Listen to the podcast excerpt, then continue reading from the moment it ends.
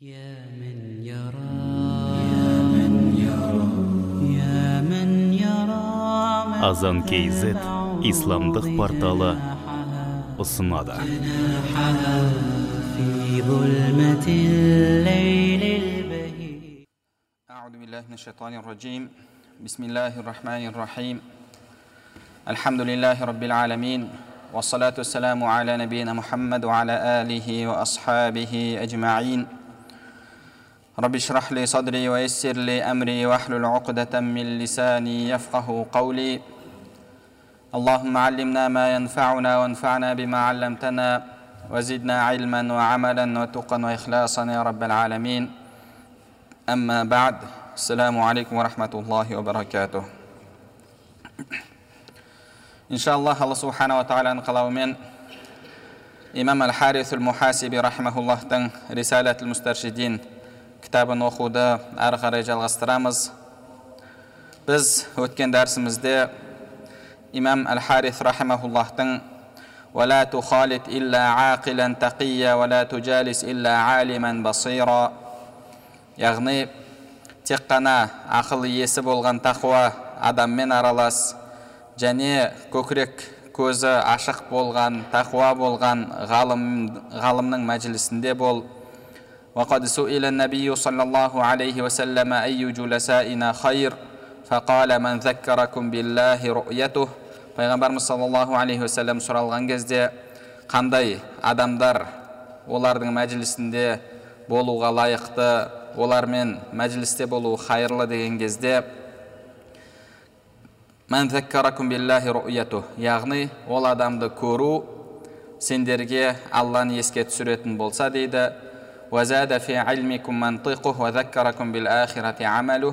оның сөзі амалдарыңды асырған және амалы ақиретті естеріңе салған деді.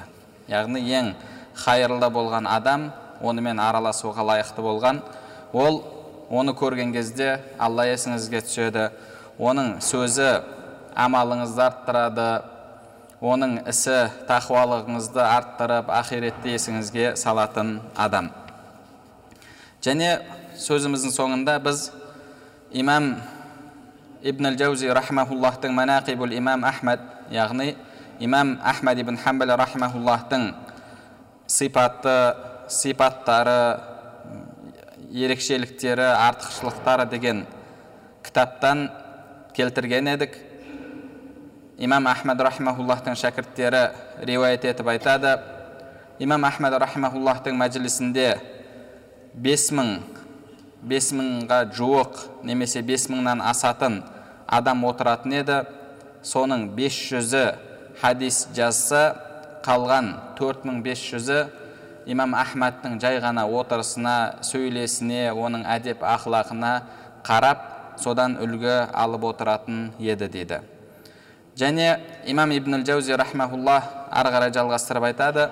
Ахмад ибн сәлман ан наджад деген кісі айтты дейді ол кісі оны әбу бәкір ибн муттауи деген кісіден келтіреді имам ахмад ибн хамбал рахимахуллахқа 12 жыл қатынап тұрдым яғни 12 жыл ол кісіге барып алдында отыратын едім өзінің бала өзінің ұрпағына өзінің балаларына муснат кітабын оқитын еді деді және сол 12 жылда еш нәрсе жазған жоқпын бір хадис жазған емеспін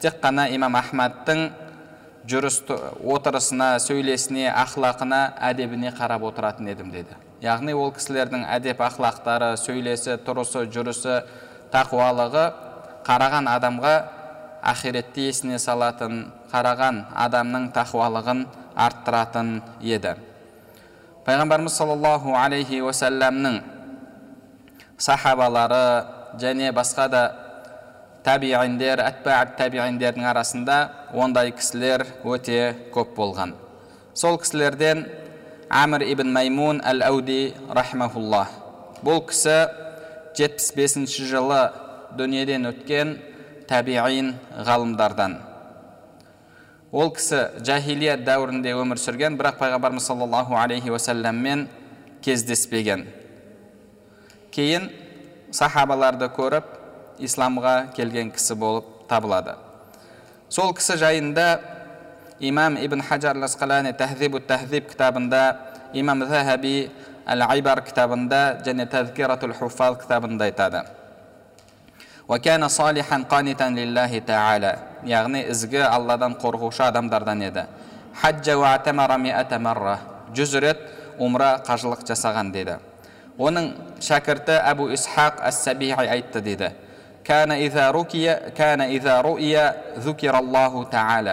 ол кісіні адам көрген кезде алланы еске алатын деді. Яғни ол кісінің ақлақы ол кісінің көрінісі. Адам қараған кезде адамның ойына алланы салатын ол кісіге қараған адам алланы еске алатын деді және сондай кісілерден имам мұхаммад ибн сирин рахмаулла ибн сирин бұл табиғин ғалымдардан және ол кісінің ерекшелігі алла субханала тағала ол кісіге юсуф пайғамбарға бергендей түс жору ерекшелігін артықшылығын берген хижри 110 жылы қайтыс болған. Сол кісі жайында имам ибн саад ат табақатул кубра кітабында келтіреді.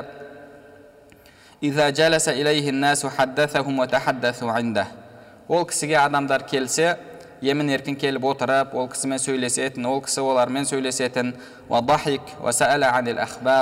Яғни арасында әзілдеп күліп отыратын еді және адамдардың хал ахуалын жағдайын сұрап тағы да басқа да мәселелерді сұрап емін еркін сөйлесіп отыратын еді деді.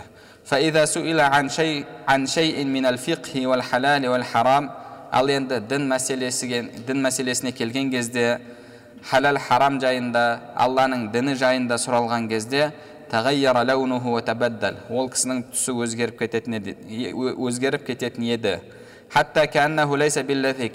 Яғни мысалы бір минут алдын ол кісі басқаша отырған болса алдыңғы халінен мүлдем өзгеріп кететін еді бір минут алдын танып отырған адамға мүлдем ұқсамай қалатын еді деді және وكانوا إذا ذكروا عنده رجلا بسيئة وكانوا إذا ذكروا عنده رجلا بسيئة ذكره بأحسن ما يعلم және ол кісінің бір артықшылығы бір адам жайында жаман сөз айтылатын болса ол кісінің алдында сол адам жайында білетін жақсы сөздерін айтатын еді деді. Яғни алдында біреудің ғайбатталуына біреу жайында жаман сөздің айтылуына разы болмайтын еді. Ол кісінің шәкірттері хишам ибн хассан әл әзди және әйюб ибн кайсандар айтады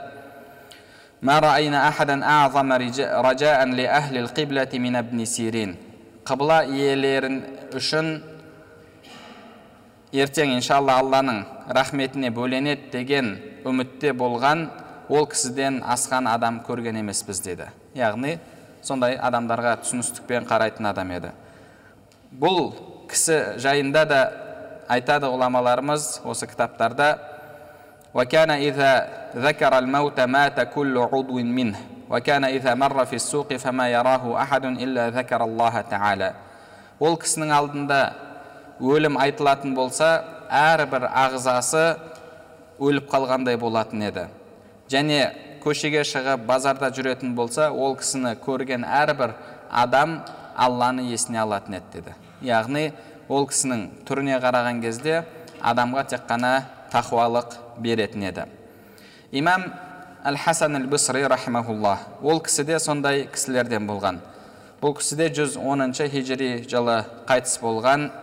Ол кісі жайында да имамдарымыз кітабында имам ибн кафир әл бидая уан нихая кітабында имам ибн хаджар тахзиб тахзиб кітабында тағы да басқа да ғұламалар айтады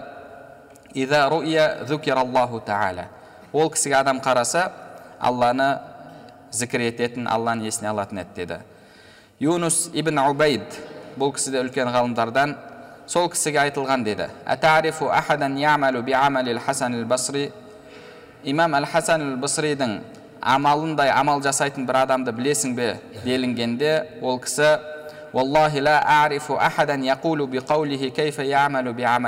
уаллахи ол кісінің сөзіндей сөз айтатын адамды білмеймін қалайша ол кісінің амалындай амал жасайтын адам болсын дейді ثم وصفه فقال кейін артынша ол кісіні сипаттап айтады كان إذا أقبل فكأنه أقبل من دف من دفن حميمه وإذا جلس فكأنه أمر بضرب عنقه وإذا ذكرت النار فكأنها لم تخلق إلا له ол кісі көрінген кезде ол кісіге адамдар қараған кезде ол кісінің хал ахуалы сондай болатын еді ең жақсы көрген адамын жерлеп келе жатқан адамдай көрінетін еді деді және отырған кезде ол кісі өлім жазасына кесіліп қазір басының шабылуын күтіп отырған адамдай болатын еді.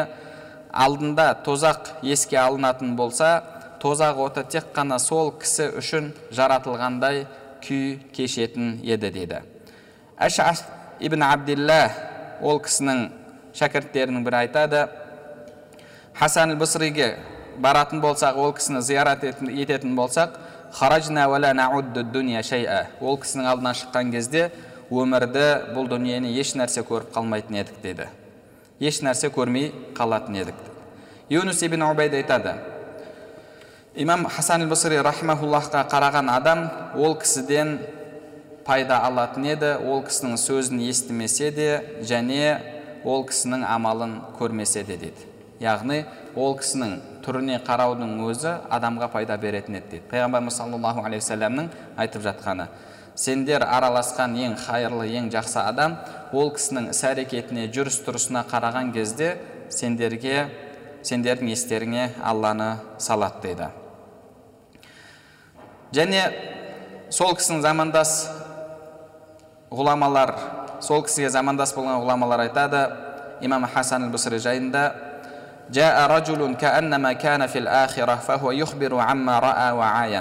ол кісі сондай кісі болды дейді. Арамызға келген кезде пайда болған кезде ақиретке барып келіп ақиретте көріп білген дүниелерін айтып отырған адам секілді деді.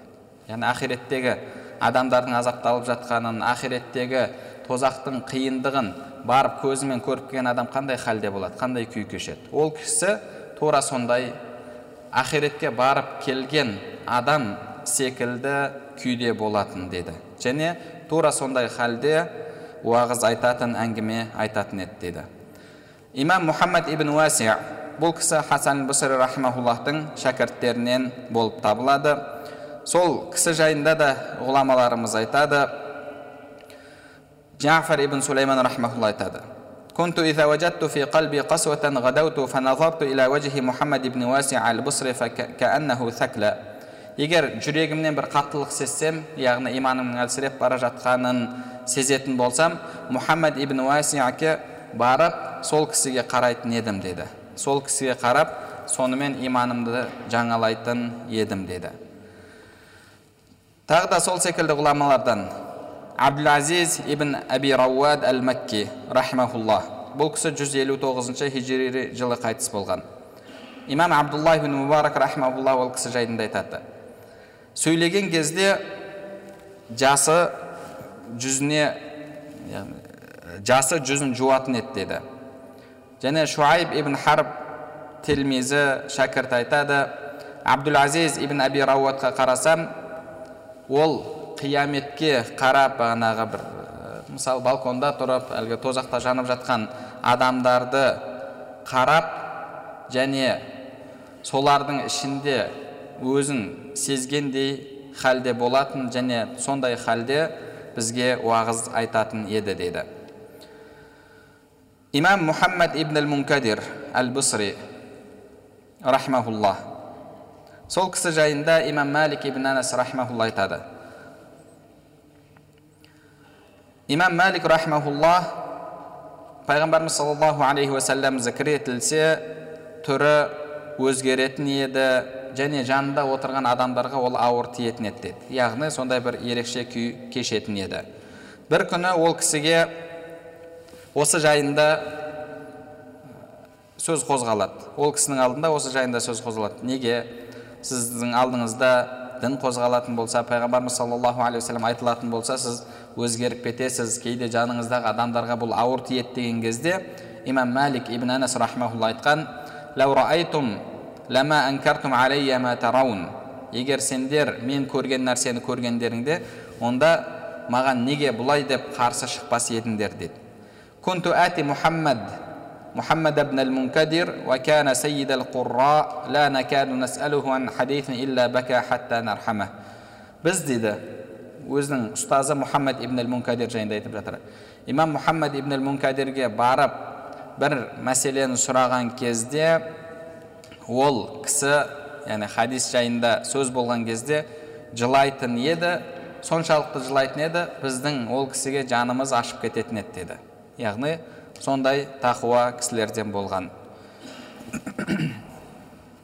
Және имам мәлик джафар ибн джафар садиқ рахмаулла жайында айтады көп әзілдейтін және күлетін адамдармен отырған кезде сондай жеңіл адам еді дейді. Бірақ алдында пайғамбарымыз саллаллаху алейхи уассалам зікір етілетін болса сарғайып көгеріп кететін еді.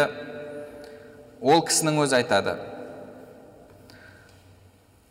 Жүрегімде қаттылық сезетін болсам мұхаммад ибн әл мункадирге баратын едім деді ол кісінің жанында ізгі жақсы адамдар жиналып отыратын еді. Жүзіне бір қараған кезде бірнеше күндерге әсер бірнеше күндерге дейін жететін әсер алатын едім деді.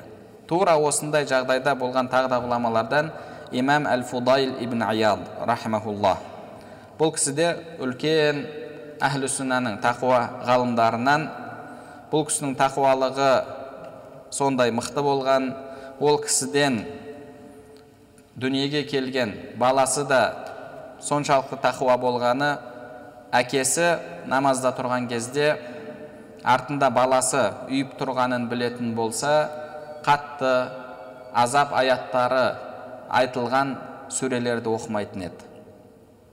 Бірде баласының тұрғанын байқамастан сондай бір аятты оқиды. Деген аят олар ертең алланың алдына барған кезде күтпеген нәрселер алдынан шығады деді. Яғни кейде адам құлшылық жасайды құлшылығында кемшілік бар.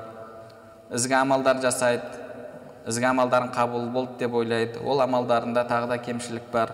Сөйтіп алла субханала тағаланың алдына еш нәрсесіз барады керісінше кейде көңіл бөлместен немқұрайлықпен бұл не бұл не дейсің бұл еш нәрсе тұрмайды деген секілді оймен бір жасаған күнәлары бар. Сондай күнәлары алдынан таудай болып шыққан кезде яғни алдынан күтпеген нәрсе шығады. Осы аятты оқыған кезде баласы естіп тұрып есінен танып қалып сол жерде дүниеден өтіп кеткен. Бұл кәдімгі сенімді жолдармен келген оқиға болып табылады.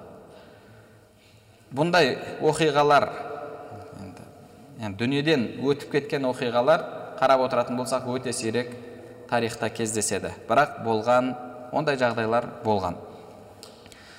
Имам фудайл ибн аяд рахмаулла бұл кісі 187 жылы қайтыс болған ол кісінің қызметшісі ибрахим ибн ашат айтады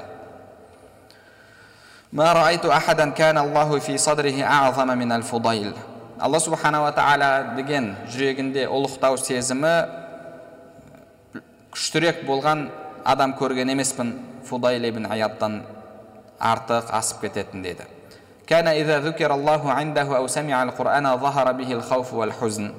алдында алла зікір етілетін болса немесе құран аяттарын еститін болса жүзінде қорқыныш жүзінде қайғы уайым көрінетін еді деді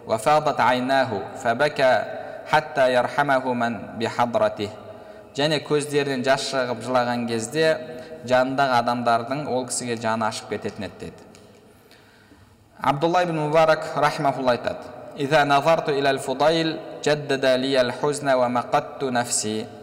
фудайл ибн аятқа қарайтын болсам жүрегімде уайым қайғы жаңаланатын еді және өзімді жек көріп кететін едім деді жек көріп кететін едім деді яғни сол кісінің тақуалығы сол кісінің хал ахуалы соншалықты ол кісіні көріп өзін сол кісімен салыстырған адам өзінің амалын өзінің халін жек көріп кететін еді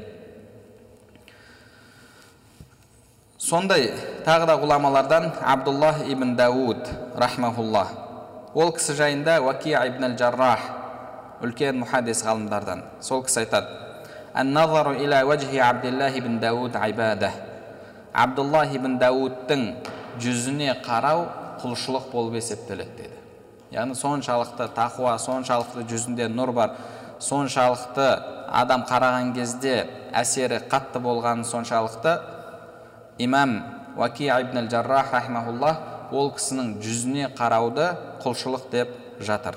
Бұны имам захаби рахимахуллах тәзкиратул хуффаз кітабында келтіреді.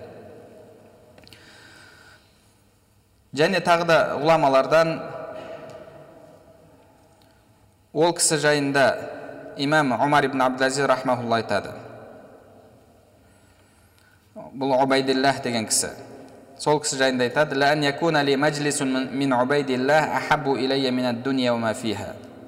яғни имам омар ибн абдулазиз ол кісінің тақуалығының өзі өз алдына субханалла бір керемет адамдарға үлгі. Ол кісінің тақуалығы ол кісінің амалдарын адам естіген кезде яғни бір дүниеде өте сирек кездесетін адамдардан соншалықты тақуа соншалықты алладан қорқатын адам. Сол кісінің өзі айтып жатыр.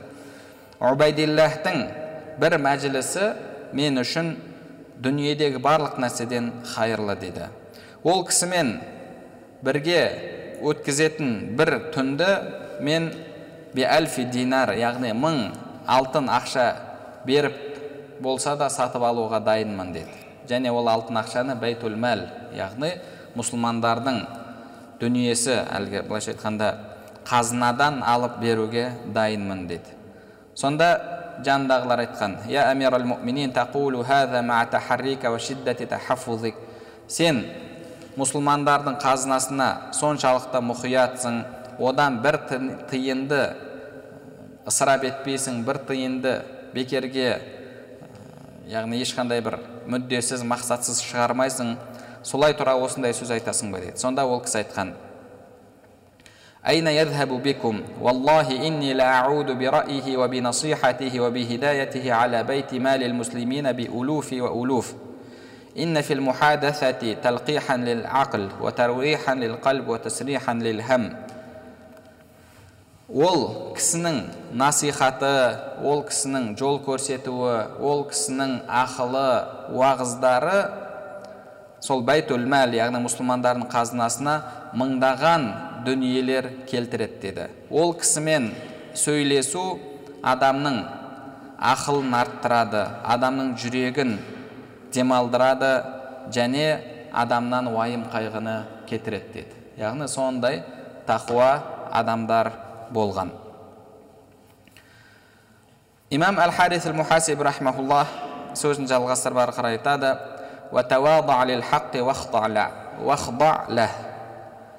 Ақиқаттың алдында кішіпейіл бол және ақиқатқа бой ұсын деді ақиқаттың алдында кішіпейіл бол және ақиқатқа бой ұсын. Бұл мұсылман адамның міндеті мұсылман адамның сипаты болып табылады.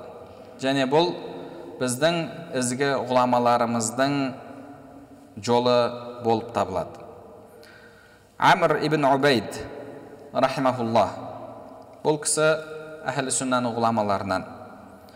Бірде ол кісімен уасил ибн ата деген кісінің арасында сөз талас болып қалады білім мәселесінде уасил ибн ата бұл муатазила фирқасының негізін салушы яғни адасқан топтардан болған адам бірақ сол жерде сол мәселеде тартыс болып қалған кезде әмір ибн убайд өзінің қателігін байқайды өзінің сөзінің қате екендігін байқайды сонда ол кісі өзінің ойынан қайтып мына сөздерді айтады. Мә бәйни уә хаққи мин адауа яғни менімен ақиқаттың арасында дұшпандық жоқ деді.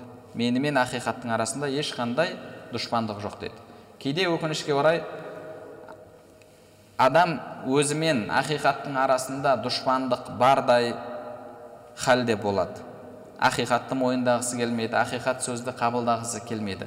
Адам мен ақиқаттың арасында ешқандай дұшпандық болмау керек және ешқандай адам оған ақиқатты қабылдауына кедергі болмауы керек. Мына уасил ибн ата негізінде адасқан адам болып табылады. Бірақ бұл кісі сол жерде өзінің қателігін мойындап жатыр. Қателігін мойындап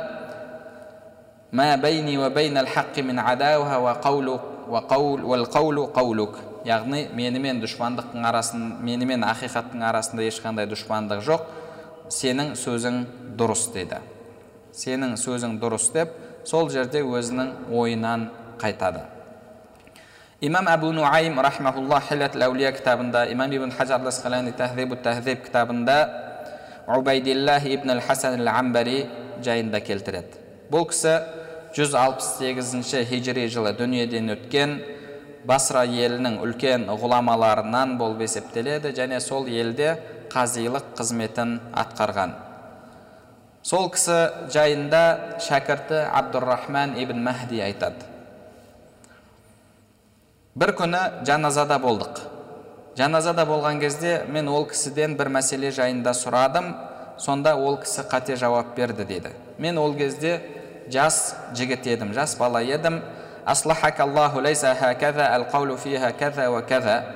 Яғни алла сізге хидаятты көрсетсін алла ісіңізді оңғарсын бұл мәселе негізі олай емес бұның дұрысы ақиқаты былай да былай деп мен сол жерде ол кісіге ол кісінің сөзін дұрыстадым деді яғни үлкен ғалым қази сол кісінің қателігін шәкірті жас бала түзеп жатыр сонда ол кісі аз ғана ойланып тұрып қалды деді. Яғни өзінің айтқан сөзін қайта тексеріп жатыр. Кейін басын көтерді де былай деді дейді. Садақта я ғулам ей бала сен дұрыс айттың мен кішірейген халде сенің сөзіңе қайтамын деді. Мен кішірейген халде кішіпейілділікпен сенің сөзіңе қайтамын.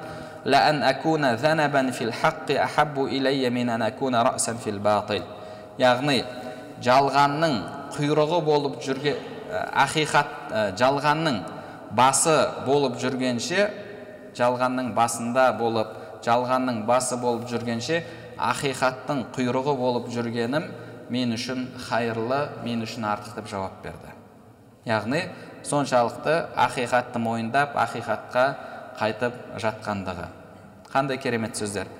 Жалғанның басы болып жүргенше ақиқаттың шындықтың құйрығы болып жүргенім артық деді. Бұл негізінде әрбір мұсылманда табылу керек болған сипат. Бірде бір халифалардың алдында бір топ қауым қабила бір тайпа келіп өзінің проблемасын айтады. Сонда арасынан шығып сөйлейтін адам проблеманы айта бастаған кезде халифа тоқтатып араларыңда бұдан да жасы үлкенірек адам жоқ па? дейді. Олар арасынан жас баланы шығарады сөйлеуге. Сонда әлгі бала айтады мен қанша кішкентай болсам да қанша жас болсам да қанша кішкентай болсам да худ худ әлгі қандай еді тоқылдақ құстан кішкентай емеспін деді және сен қанша үлкен қанша ақылды болсаң да сүлейман алейхисаламнан үлкен сүлейман алейхисаламнан үлкен емессің деді сенен қанша ақылды болған сенен қанша үлкен сенен қанша ұлық болған сүлейманға менен қайда кіші болған құс сен білмеген нәрсені мен, білдім. Саба елінен мен саған анық хабар жеткіздім деп айтты деді. Яғни құс келіп сүлеймен алейхисаламға айтып жатыр. Сен білмеген нәрсені мен білдім деді. Сонда сүлеймен алейхисалам не деді? Үніңді өшір сен құссың сен адам емессің тағы да басқа сондай сөздерді айтты ма? Жоқ сонда халифа иә сен дұрыс айтасың ақылды жігіт екенің көрініп тұр ары қарай сөйлей бер деді. Яғни ешкім ақиқаттың алдында үлкен емес. Ақиқат келеді ма ақиқатты адам қабылдауы керек. Имам әл харис рахимахуллах ары қарай айтады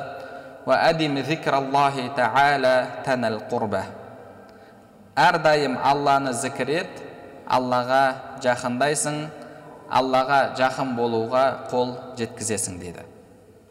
Яғни алла субханала тағаланы зікір етумен адам аллаға жақын болады. Имам әл харис мухасиб рахмауллахтың бұл сөздерінде зікірдің қаншалықты маңызды екендігі алланы еске алудың қаншалықты ұлық құлшылық екені көрініп тұр. Бұл жайында ғұламаларымыз көптеген кітаптар жазған. Зікірдің пайдасын жүз шақты етіп пайдаларының барлығын жазған имам ибн әл қайим рахимахуллах өзінің әл уабилу сайиб минал калими тайиб кітабында айтады وفي ذكر الله تعالى أكثر من مئة فائدة الله سبحانه وتعالى ذكر етуде жүзден асқан пайда бар деді юрдир рахман рахманды разы етеді алланы зікір ету ятруду шайтан шайтанды қуады хам уайым қайғыны кетіреді уаяжлибу сурур адамға қуаныш алып келеді жүрегіне адамның денесін де адамның жүрегін де күшейтеді адамның жүзін қалбын нұрландырады. Ризq адамға рызық алып келеді. Адамның адамға сонда айбат береді. Яғни басқалар оның жанына келген кезде бағанағы айбатын сезінетін болады. Және аллаға деген махаббатты адамның жүрегінде күшейтеді ويورث المعرفة والإنابة والقرب وحياة القلب وذكر الله للعبد және адамның жүрегіне алла субханала тағала зікір арқылы бір білім жаңа білім береді ол аллаға жақындайды адамның жүрегі тіріледі және сол құлын алла да зікір етеді алла да есіне алады дейді. Зікір жүректің азығы жүректің рухы дейді. Және жүректен тотты яғни адам жүрегі тат басатын болса әлгі сарғайып темір сарғайғандай. Адамның жүрегі де кейде солай сарғайып тат басады пайғамбарымыз саллаллаху алейхи уасалам жүректер тот басқандай темір тот басқандай жүректер де тот басады деді. Пайғамбарымыз саллаллаху алейхи вассаламнан сахабалар сұрады қалай кетіреміз? деген кезде алланы зікір ету және өлімді еске алу деген еді. Адамның күнәларын түсіреді. Адамның дәрежесін көтереді. Және адамның жүрегінде сондай бір алланың жақындығын сезінумен тыныштық пайда болады. Уахша жалғыздықты адамның жүрегінен кетіреді дейді. Яғни адам кейде сондай бір жалғыздық сезінеді жүрегінде қорқыныш сезінеді соны алланы зікір ету кетіреді. Және бағанағы айтылғандай жүрегің адамның жүрегі сығылған кезде жүрегі қиналған кезде жүректен сол уайым қайғыны кетіреді. Жүрекке қуаныш алып келеді. Алла субханала тағала құран кәрімде пайғамбарымыз саллаллаху алейхи вассаламға айтады. Олардың айтып жатқан сөздерінің себебімен сенің жүрегің сығылатынын біз білеміз деді яғни жүрегің сығылады сен бір қиындық сезінесің. Сол кезде аллаға тәсбих айт. Яғни алланы зікір ет және сәжде етушілерден бол дейді. Бұдан біз нені түсінеміз? Адамның жүрегі сығылған кезде адам қиналған кезде аллаға тәсбих айтып аллаға зікір айтатын болса алланы ұлықтайтын болса сәждеге жығылатын болса құлшылық жасайтын болса бұл нәрсе оның жүрегінен әлгі қиындықты жүректің сығылуын кетіреді.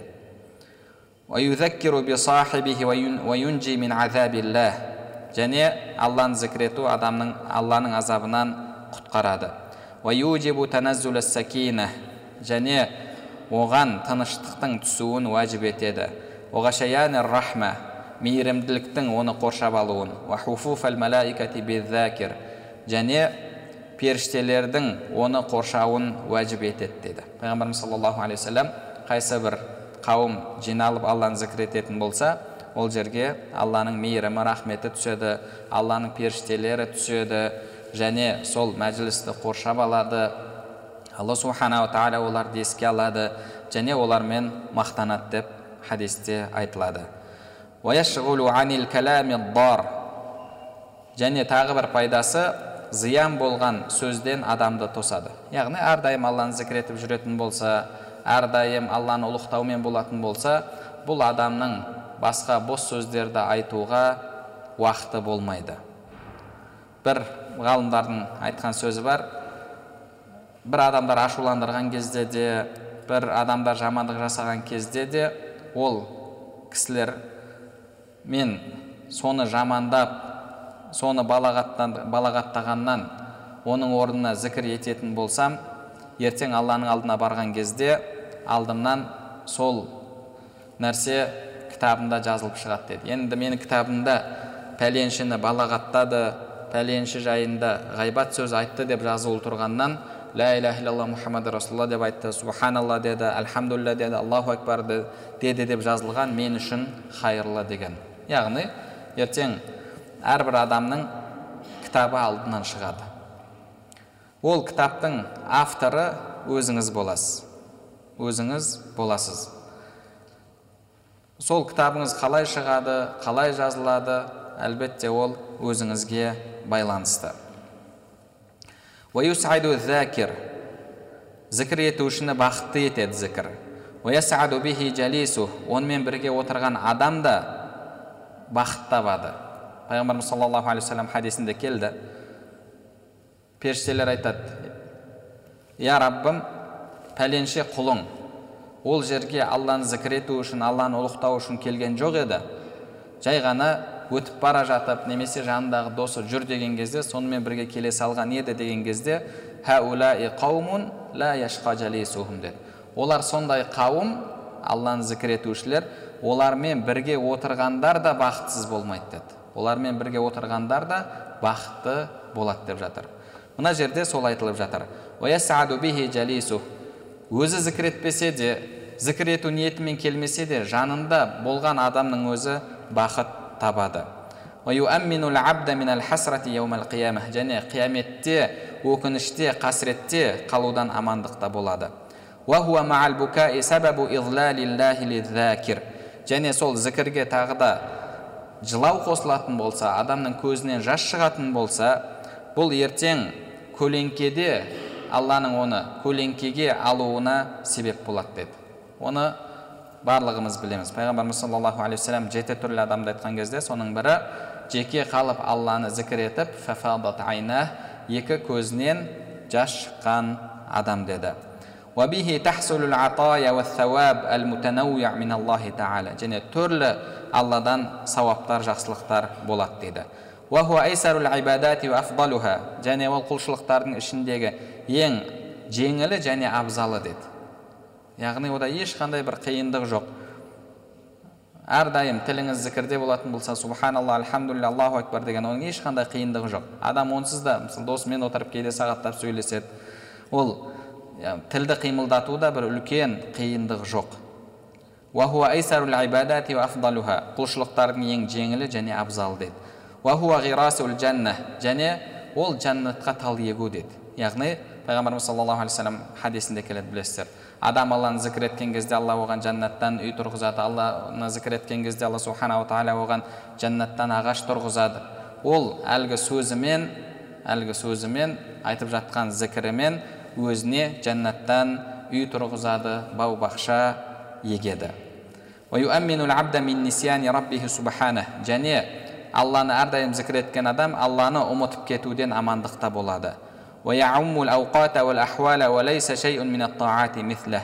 және зікір барлық уақытты қамтиды дейді барлық уақытты қамтиды басқа құлшылықтар ондай емес яғни адам тұрса да отырса да қай уақытта болса да алланы зікір ете алады басқа құлшылықтарды олай жасай алмайды алла субханала тағала ақыл иелері жайында айтты. Құранда олардың сипаты олар алланы жатса да тұрса да және тұрса да отырса да жатса да әрдайым алланың зікірінде болатын адамдар дейді. Яғни кез келген уақытта алла субханала тағаланы зікір етуге болады. Және адам жүніп болған халдің өзінде де алланы зікір етуден тыйылған жоқ. Құран оқуға тыйым салынды бірақ басқа зікірлерді айтуға оған тыйым салынған жоқ. Және алланы зікір ету ертең бұл дүниеде және ертең қабіріңізде және махшар майданында сізге нұр болады. Және алланы зікір еткен адамның амал сөздері нұрланып шығады және ол уәлилік яғни бағана алланың досы деген атаққа лайық болудың басы және жолы болып табылады ويفرق غمومه وهمومه وينبه القلب من نومه ويثمر المعارف والأحوال الجليلة алланы зікір ету адамның жүрегін ғафлаттан ұйқыдан оятады және адамның жүрегіне алла субханала тағаланың түрлі білімді кіргізуіне себеп болады деді. Яғни алланы көп зікір еткен адамның алла субханала тағала жүрегін ашып қояды. Құранда келгенде біз өзіміз тараптан оған білім бердік дейді яғни білімнің барлығы ол тек қана ана кітапта жазылған нәрсе емес. Мысалы бізде тәфсир кітаптары бар. Қазірге дейін тәфсир кітаптары жазылып келе жатыр. Егер барлығы тек қана сол аяттың тәфсирі сахабадан келген немесе табииннен келген тәфсирімен шектелетін болса онда тәфсирлердің арасында ешқандай айырмашылық болмас еді. Осынша тәфсир жазылмас еді. Бірақ алла субханала тағала сүйікті құлдарының жүректеріне алланың аятына қатысты сондай мағыналарды салып қояды. Жаңа мағыналар оның жүрегіне ашылады. Осының барлығына себеп болатын нәрсе ол алла субханала тағаланың әрдайым зікірінде болу. Зікір етуші зікір етілушіге жақын болады деді. Уаллаху маа алла онымен бірге болады. Және алланың алдында ең ардақты болған адам ол әрдайым оның аузы алланы зікір етумен мәшғул болған әрдайым тілі алланы зікір етумен суланған адам дейді. Ол жүректің қаттылығын кетіреді.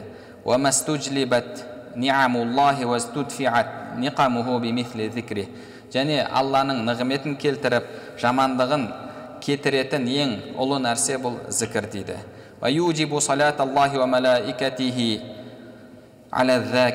Және алланы зікір ету алланы зікір ету. Алланың өзінің және пайғамбар періштелердің оны зікір етуіне себеп болады. Алла субханала тағаланың өзі оны зікір етеді. Періштелер оны зікір етеді. Мәжіліс зікір мәжілістері ол періштелер қатысатын періштелердің мәжілісі және жәннаттың бақшаларынан болып табылады. Және амалдардың барлығы алла субханала тағаланы зікір ету үшін қарап отыратын болсақ арналған мені зікір ету үшін намаз оқы дейді яғни барлық құлшылықтарға қарайтын болсақ оның артында алланы зікір ету тұр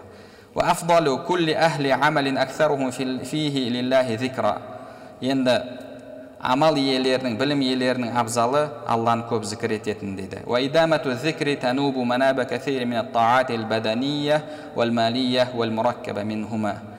Және әрдайым зікірде болу басқа денемен жасалатын малмен дүниемен жасалатын сол екеуінен құралған басқа да құлшылықтардың орнын басады дейді.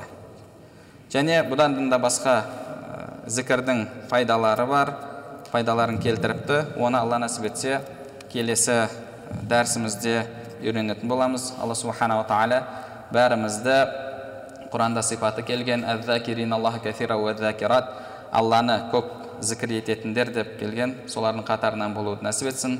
Алла субханала тағала бәрімізге пайдалы білім нәсіп етсін білімдерімізге амал етуімізді және амалдарымыздың қабыл болуын нәсіп етсін.